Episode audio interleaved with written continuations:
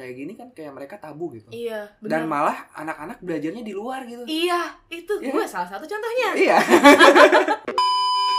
yang namanya seks diciptakan oleh Tuhan mungkin ya Iya. ya, ya sama siapa lagi gitu Iya, iya Sama benar benar benar. diciptakan Sama oleh gue. Iya, sama gue juga Anak-anak muda zaman sekarang itu nggak ragu buat melakukan iya gak ragu bukan buat melakukan seks itu. iya iya anak Gak muda ragu. saya gak ragu ya Nggak- iya benar gak ragu. tanpa pikir panjang gitu ya Iya.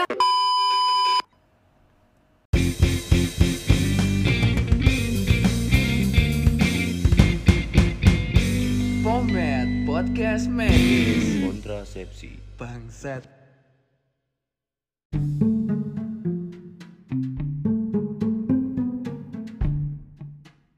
Oke, selamat malam para pendengar. Bertemu lagi dengan gue Zikri Muhammad Gipari di Pomet Podcast Medis. Sekarang adalah segmen yang sangat menyenangkan menurut gue. Tapi segmennya aneh sih. Maksudnya segmennya tuh tentang dunia peresek-esekan gitu kan. dunia peresek-esekan gitu, seksologis di mana nanti kita akan membahas seputar seks gitu kan. Membahas seputar seks tapi hmm, sebenarnya juga kita memandangnya itu secara medis gitu dan Iya. kalau gue sih kan tahu gitu secara medisnya kayak gimana nah sekarang tamu gue beda bukan dari orang medis kalau hal Betul. kayak gini karena supaya interaksi antara awam dan medisnya itu kena gitu jadi gue Yoi. punya tamu hari ini gue punya tamu yaitu Widya Valentina Yo, hai. Hai semuanya. coba lo kenalin dulu dari, Eh, dari Oke, gue Widya Valentina. Eh, untuk saat ini gue umur 23 tahun. Ya itu bisa dibilang sudah siap untuk menikah, bukan? Oke. Iya nggak sih? Bener oh, dong. oh berarti lo mau diundang ke sini karena lo udah mau siap menikah gitu dan Siap menikah tapi belum tahu siapa yang menikah dengan saya. Seperti itu. dua tiga anjir Ih, Eh, gue 23. juga tahun depan dua tiga loh Ih, gue tahun ini 23, tahun depan 24. oh yaudah berarti Februari lagi. Aduh, itu udah bentar lagi, udah 3 bulan Iya, lagi. iya, iya. Oh, kakak kelas sih siap. Anjir.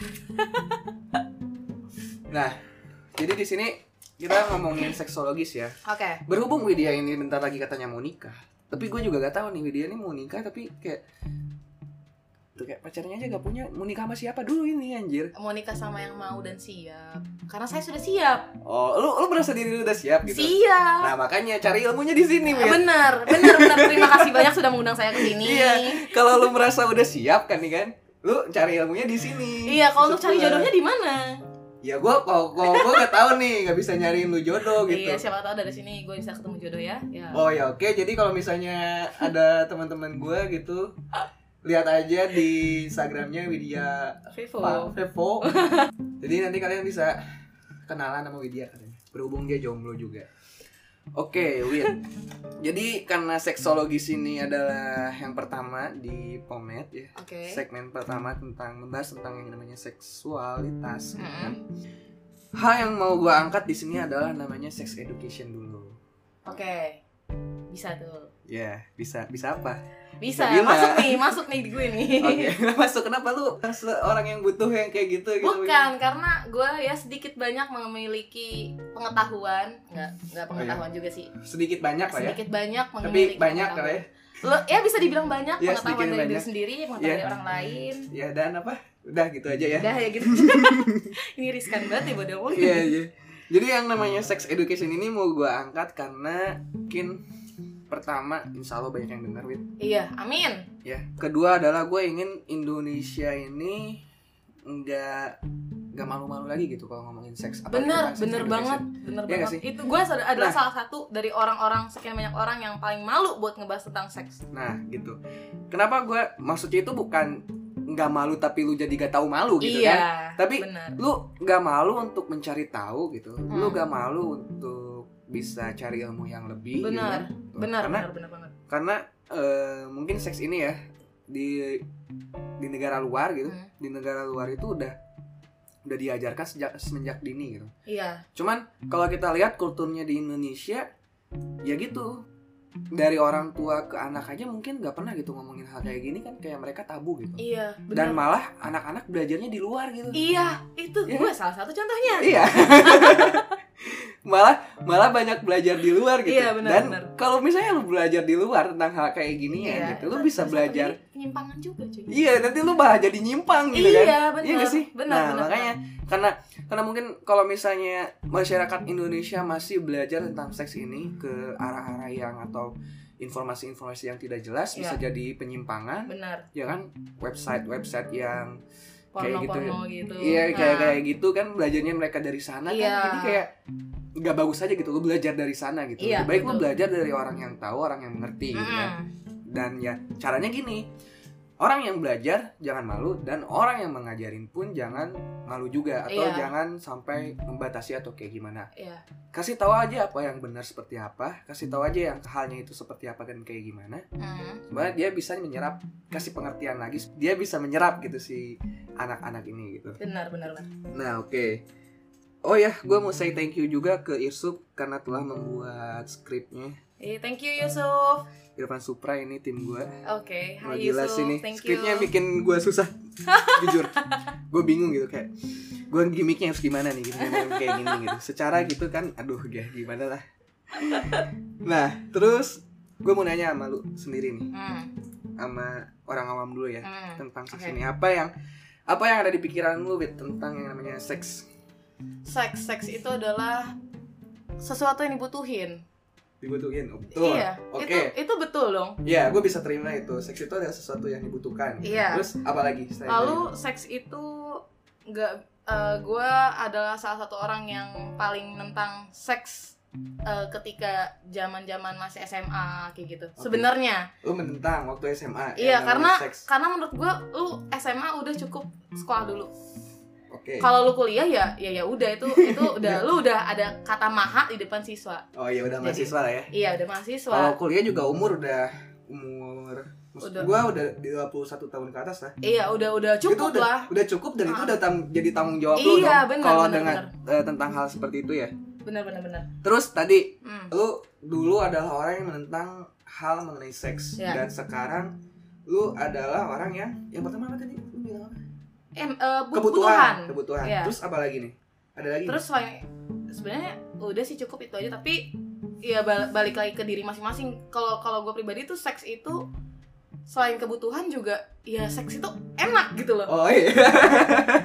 Seks itu enak. Gue nggak mau Iya, tapi iya. seks itu enak tapi ya Iya, jangan dicontoh juga. anjir. jangan dicontoh juga gue iya. Iya jadi enggak sih gue juga bisa bilang kalau yang namanya seksual itu kan emang kalau dalam secara medis kan ada yang namanya orgasme tuh oh, ya di antara pria dan wanita wanita Hmm. orgasmenya seperti apa pria eh, orgasmenya seperti apa ya Mm, mm, mm. kenikmatannya pasti ada lah pasti anjir. pasti banget Iya kan? pasti gak bisa dipungkiri benar jadi kalau secara medis Mm, seks itu gue kaitin ya iya yang namanya kebutuhan Mm, oke kebutuhan biologis tapi di sisi lain dari sainsnya nih mm, mm. Yang namanya seks ini dibutuhkan buat yang namanya keberlangsungan spesies kita sebagai homo sapien benar. Untuk mempertahankan generasi. Iya mempertahankan generasi Hmm. dan memang diciptakannya seperti itu gitu. Mm, jadi benar.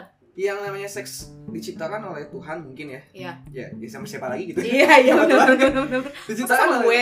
Iya, sama gue juga. Eh, diciptakan oleh Tuhan untuk yang namanya keberlangsungan spesies kita sebagai Homo sapien. benar Dan juga kalau misalnya kita ngomongin tentang organisasi, Hmm. organisasi unit terkecil di dunia ini apa coba? Apa? Keluarga. keluarga oh oke Oke, di sana ada pemimpin, Iya, ada, bokap, followernya, iya ada anak-anaknya dan Iya. lain-lain. Itu kan salah satu contoh organisasi terkecil di dunia gitu Iya, kan, mm. Di kehidupan semuanya dimulai sehari-hari. dari keluarga. Iya, sebenarnya mulai dari keluarga. Ya munculnya keluarga kan gara-gara itu kan? Iya, benar. Gak bakal dari keluarga kalau nggak ada itu. Iya, kalau nggak ada itu, Itu tuh kan? apa sih? Ya itu itu yang namanya seks itu. Iya, oke. Nah, jadi kalau misalnya kita ngomongin tentang seks gitu, bukan jadi hal tabu lagi bagi kita seorang manusia gitu. Benar. Malah, hal ini harus kita pelajarin. gitu. Benar. Lebih jauh dan lebih dalam lagi. Benar. Ya kan? Iya, gue sepakat. Oke, terus pandangan tamu tentang pendidikan seks di Indonesia. Pendidikan Gimana? seks di Indonesia itu menurut gue kurang Kenapa kurang? karena tadi nyangkut dari omongan tadi yang masalah organisasi terkecil itu adalah keluarga. Gue nggak dapet, bukan nggak dapet sih, gue kurang dapet edukasi tentang seks dari keluarga gue karena Hah, gue karena gue apa ya gue malu. Iya bener sih lebih tepatnya gue tuh gue tuh malu. Iya malu kan? Kayak waktu gue inget banget gue waktu itu pertama kali menstruasi itu pas kelas 8 kelas 8 Lalu ngomong gak ke orang tua lu menstruasi? itu gue di sekolah menstruasinya. Oh terus gimana? di sekolah. Jadi kelas 8 tuh kelas 2 SMP ya. Kelas 2 SMP itu gue gue disuruh disuruh maju buat tulis papan tulis tiba-tiba temen gue pada teriak. Dan kebetulan banget itu gue lagi pakai rok putih. Oke. Temen-temen gue pada teriak ih dia menstruasi segala macam akhirnya gue dibawa sama guru BK Waduh. serius gue dibawa ke guru Terus, ke guru BK terus, buat terus, buat ganti semuanya akhirnya Oh, gue iya? kasih pembalut terus gitu ganti kasih rok ganti segala macam gue pulang ke rumah sampai eh, Ah. terus akhirnya gue dipulangin Oke. gue nggak Bentar, stop sampai sana. Hmm. Gue mau nanya nih. Lu pertama kali menstruasi, Hah? lu ketemu guru BK. Hah? Apa yang guru BK ajarkan ke lu? yang guru Di BK guru BK malah nyangkanya gue emang udah menstruasi Oh.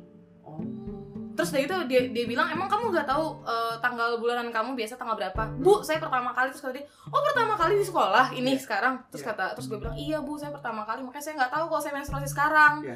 terus kata dia oh gitu ya udah sekarang kamu pulang terus kamu eh, minta minta ke mama kamu ke- eh, eh, bilang ke mama kamu kalau kamu udah, udah menstruasi terus minta ajarin ke mama kamu kalau kamu nih udah udah gede loh udah jadi wanita seutuhnya kata kata guru BK gue yes. gitu Oke. terus dari gitu akhirnya eh, gue disuruh pulang terus eh, oh ya bu guru BK gue juga nyampein bila eh, apa tanya ke mama kamu kamu udah menstruasi ini tuh kamu udah gede kamu kamu harus ngejaga sesuatu yang harusnya kamu jaga. Pokoknya bu- guru BK gue ngomong kayak gitu. Akhirnya gue sampai rumah gue bilang sama nyokap ma aku menstruasi. Oh iya eh, di sekolah dia kayak gitu kan. Terus itu gue bilang iya di sekolah. Oh yaudah yaudah yaudah sekarang kamu eh, ganti dulu. Udah diganti belum oh kan dia nanya kayak gitu Iya, kan terus itu akhirnya pokoknya udah, udah selesai gue ganti baju terus gue nanya sama nyokap gue ma aku udah menstruasi aku harus gimana Oke. ada cuma dan itu setelah itu tuh gue cuma sebatas itu doang gue cuma di, dikasih tahu kamu kalau kamu kalau hubungan seks gitu jangan sampai kamu nikah ngomong kayak gitu Ah gimana gimana? jadi tuh gue tuh nggak boleh have a sex gitu Oh, loh sama boleh nyokap seks gitu ya. Mm-mm. Hah? Sa- sampai pokoknya sampai gue nikah gue nikah baru boleh gitu loh kasarnya kayak gitu Hmm, hmm, hmm. Terus dari gitu akhirnya gue bilang juga karena itu posisi sama-sama cewek ya nyokap gue gue cewek terus akhirnya gue gue bilang sama kakak gue kakak gue kan cowok. Hmm.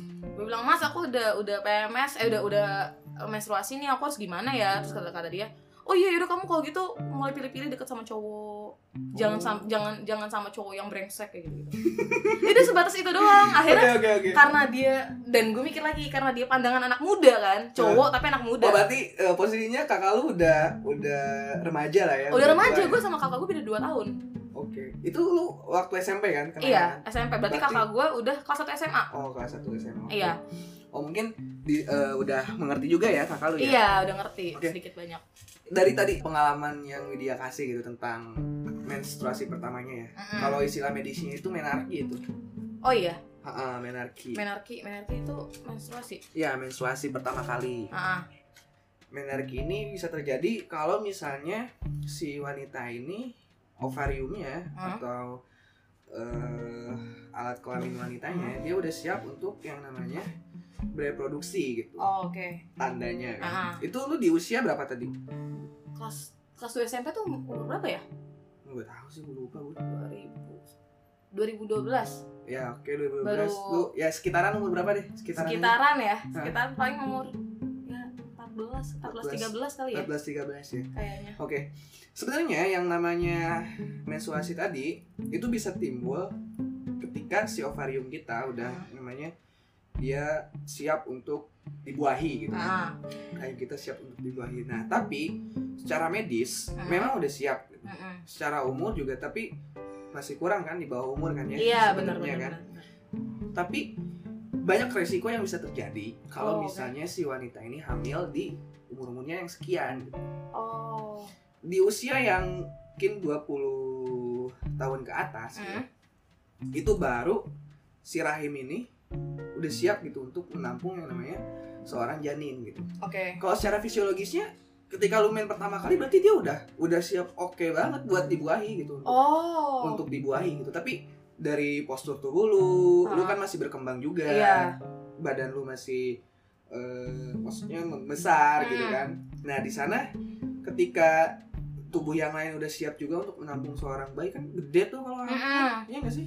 Nah itu yang bisa mempengaruhi Kalau misalnya lu udah umur 21 tahun Lebar pinggul lu ini bisa lebih besar Jadi dia lebih sanggup untuk menampung gitu Tapi kalau misalnya lu masih kecil gitu Hmm. itu rentan banget si bayinya meninggal ibunya juga meninggal Tapi patokannya patokannya itu harus di umur 20 atau gimana? patokannya ya patokannya setelah patokannya udah nikah sih iya sih, bener.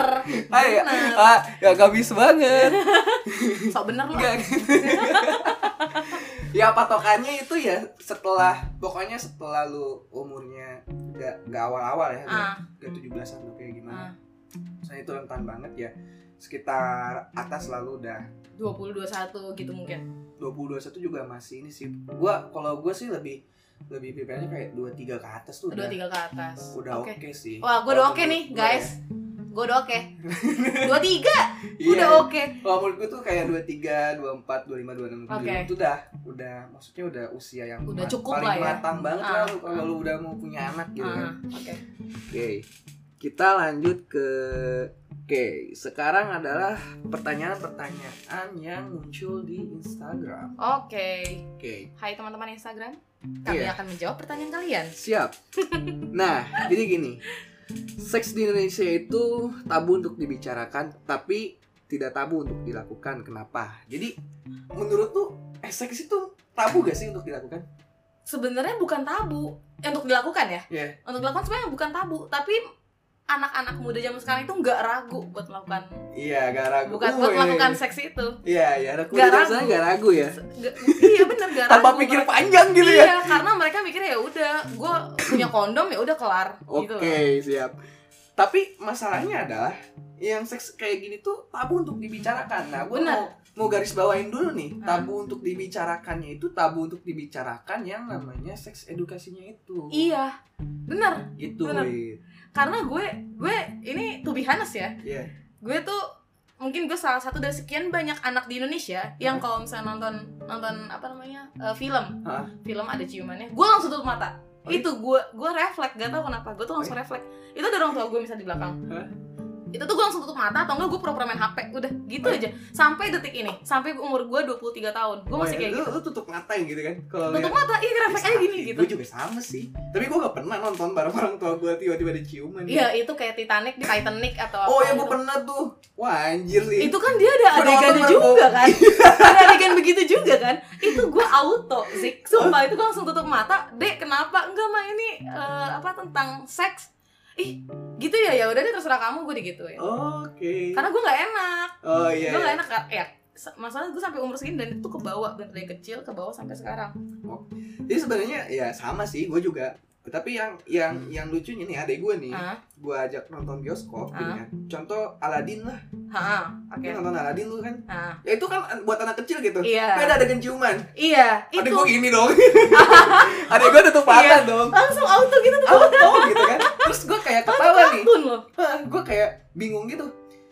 Enggak, Aladinnya enggak kartun. Oh, Aladin yang kemarin. Oh, iya, oke, oke, oke, kan oke. ada adegan ciuman. Iya, kan. iya, Gue iya. lagi ngajak adik-adik gue nih. Hmm.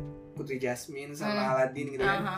Oh berarti dia eh, selain me- membatasi, bukan membatasi ya, mendefend dirinya tentang hal-hal seperti iya itu, defend bener dia juga eh, mungkin karena malu juga sebenarnya ya, iya bisa malu bener malu kan, Ah. karena malu. enggak ada lu gitu. umur berapa by the way SMP, SMP iya oke SMP, dia malu masih wajar sih iya kan, ah malu gitu untuk melihat hal seperti itu. Hmm. gitu.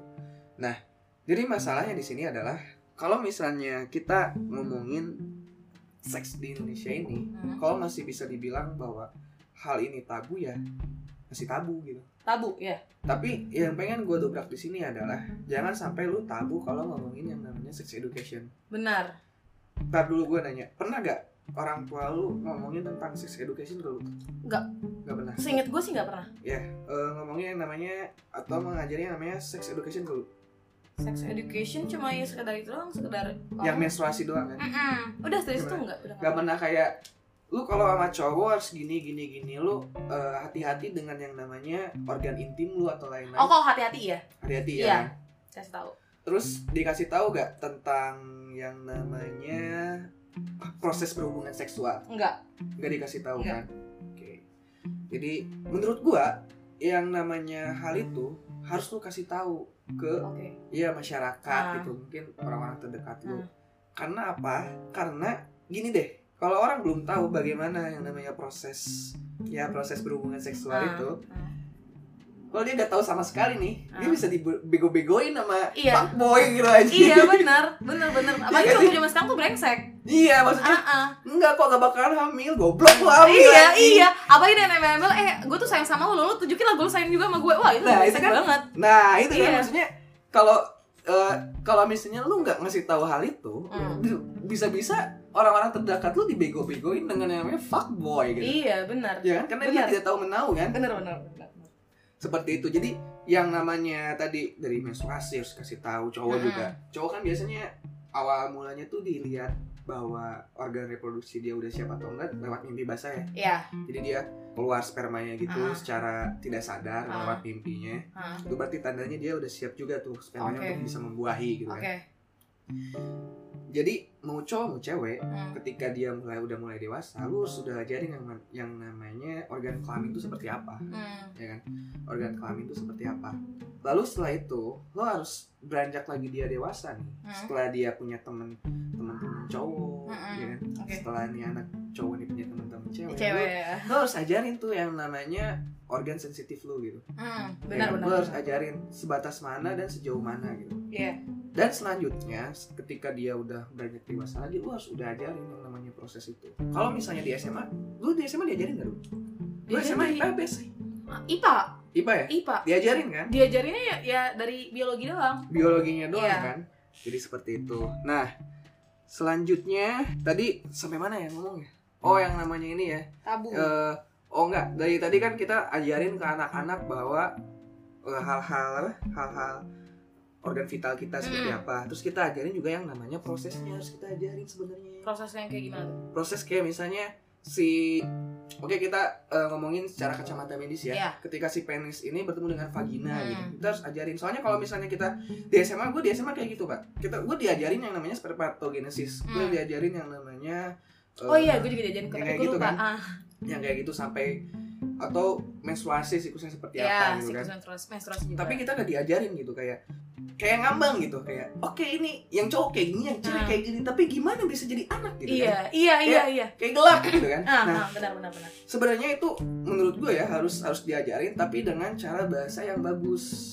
Oke mungkin Iya. orang Indonesia banyak yang belum menemukan bahasa yang bagus. Nah bahasa yang bagus juga tuh. Ah. Sekarang formulanya gini masalahnya gini orang Indonesia tuh nggak pernah ngomong yang namanya alat kelamin sesuai dengan nama medisnya gitu atau sesuai Iya. nama biologisnya gitu dan eh, Dia karena kayak keluar aja kontol gitu kan kayak iya. keluar aja kayak gitu kan Iya, jadinya iya, kan iya. jadi aneh gitu Jadi aneh, tapi kalau benar. lu bisa jelasin yang namanya penis ini adalah Ah. kan eh, bentuknya ini kayak di selang gitu kan Ah, ya dia bisa masuk gitu Iya. melalui vagina gitu dan iya nanti dia dan vagina pun berbentuknya kayak lubang kan iya berarti Ah. dia nanti bisa me- menyemprotkan yang namanya sperma tadi Ah, gitu benar. ovum tadi gitu Hmm. dijelasin jadi jadi lu jangan dijelasin tuh jangan ngambang gitu iya kalau lu iya. ngejelasin ngambang ya gak dapet poinnya di mana gitu benar benar menurut gue lu lu masih boleh menjelaskan hal itu tapi dengan bahasa kesehatan Hmm. dengan bahasa medis atau bahasa biologis lu jangan pakai bahasa bahasa yang yang Kayak kasar gitu kasar atau kayak Ah. gitu itu kan jadinya jadi malah aneh ya tapi Jadi kalau misalnya kita bicarakan dengan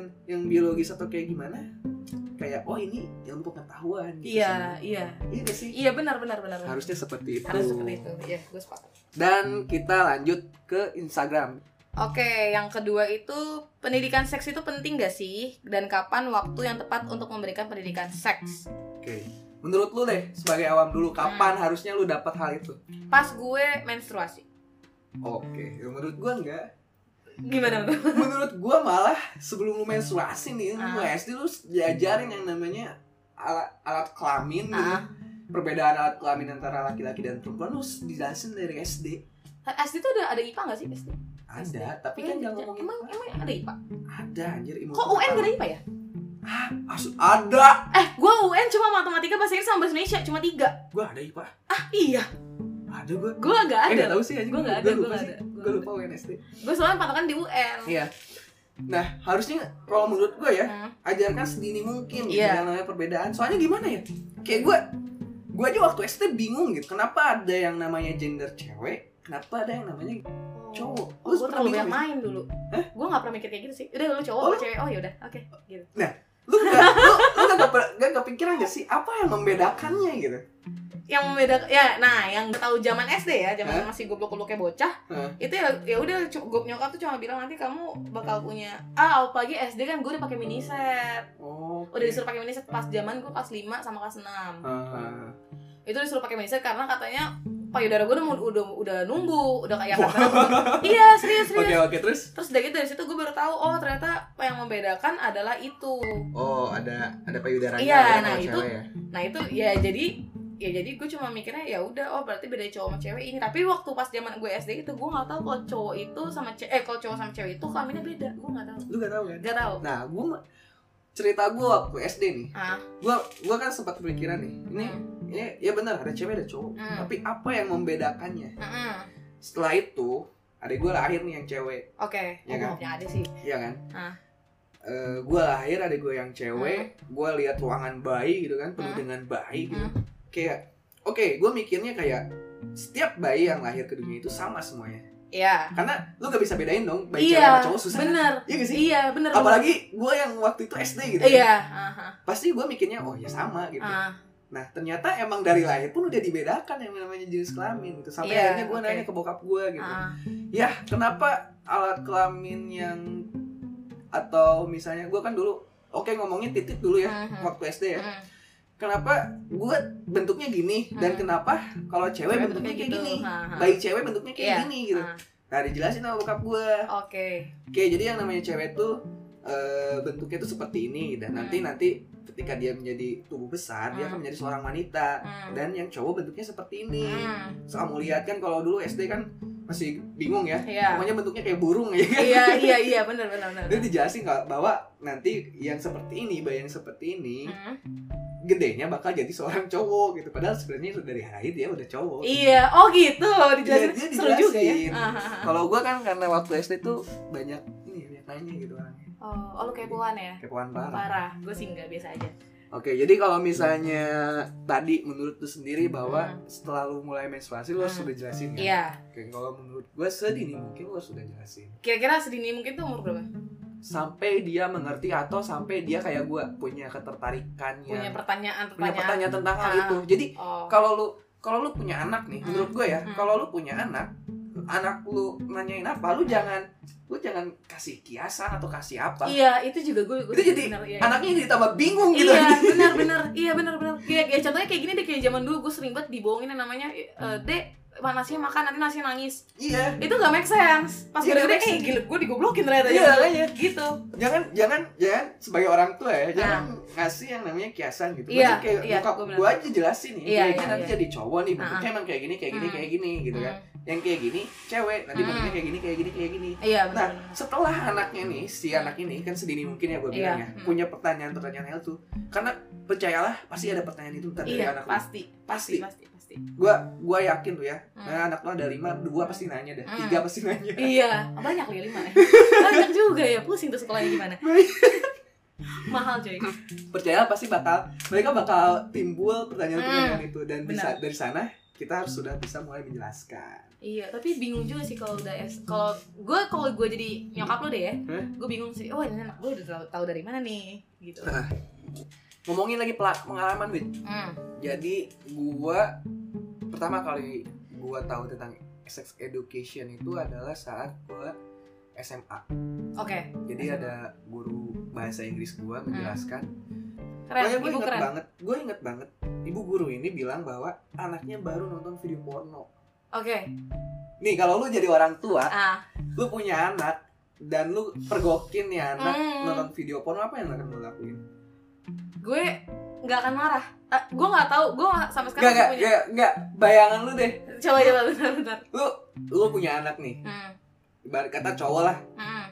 dan punya akses gitu dengan yang namanya internet, Ah. terus dia buka website ya Video pornografi, porno, ah. ya kan? Dan lu pergokin itu gitu. Hmm. Apa yang akan lu lakuin? Dan jujur aja apa yang akan lu lakuin? Yang gue lakuin pasti gue tanya kenapa. Terus? Itu pasti banget kenapa kena, kena karena kenapa harus non- harus nonton gitu loh. Oke, Kenapa nggak nanya dulu? oke. Terus itu itu lagi, pertama apa terus yang yang kedua yang kedua yang kedua yang yang gak akan gue lakuin adalah marah karena marah menurut gue gak, gak nyelesain masalah Oh, lu gak Gitu. akan marah, tapi lu akan nanya kenapa. iya Oke, tapi itu bukan dengan nada marah ya maksudnya kenapa maksudnya misalnya gue manggilnya ade lah ya Kecewa ade nggak? kenapa enggak terus? enggak ya? Oh, enggak oke. karena menurut gue emang mungkin saat dia udah ta- udah udah tahu akses video porno berarti itu adalah saat yang tepat buat dia tahu segalanya Oke. Nah, ekspresinya lain lagi nih tentang Ah. eh, guru guru apa? Guru bahasa Inggris. Oke, ini. ha. Ketika dia mempergo mempergoki itu bahasa Inggris sih? iyalah Oh iya. mem ya, mempergoki kira bahasa Sunda, sorry. Jadi mempergoki anaknya itu menonton video porno. Ah. Dia seneng dong. dia seneng kenapa Karena Why? dia tahu anaknya normal. ih as simple as that bener Kasih bahas dia iya anjir. bener-bener Dia Bener tahu sih. anaknya normal. itu anaknya tuh waktu nonton Dia video tahu porno dia, dia nonton video porno, dia lihat anaknya gitu kan liatin ce- eh, eh, nonton video porno yang di dalamnya cewek sama cowok gitu. Berarti dia normal. Dia suka cewek, suka cewek ah, gitu. iya sih itu Iya sense sih Dia seneng anjir. Dia datengin anaknya. Dia datengin anaknya. Kamu lagi ngapain? Kamu anaknya langsung ya?" wah aduh aduh biar Anaknya kayak kinap gitu kan oh, anjing gua apa? wah wah wah wah mati dia dia seneng parah, Pak. Dia tahu bahwa oh ternyata anak gue normal gitu. Iya sih, itu karena sih positif dia, sekali Iya, ya. karena dia menyukai yang namanya lawan jenis juga Hmm, gitu. hmm. Dia dia penasaran dengan hal seperti itu Iya. gitu. benar Dan itu dan itu yang itu yang membekas di diri gue tuh waktu SMA bahwa Hmm. ketika nanti gue punya anak dia membuka yang namanya video porno Hah? lu mempergoki itu lu jangan marah lu harusnya udah seneng berarti anak lu udah normal tapi sebenarnya kalau misalnya cowok itu apa sih bahasa masturbasi ya? Iya iya masturbasi masturbasi itu itu sebenarnya tuh di medis itu diperbolehkan atau enggak sih Hmm, itu pertanyaan di bawah ya. Ya. Nanti kita lihat di fitus atau ma- oh faktanya. oke oh ada ya Ya, jadi ntar gue jawab itu di segmen berikutnya. oke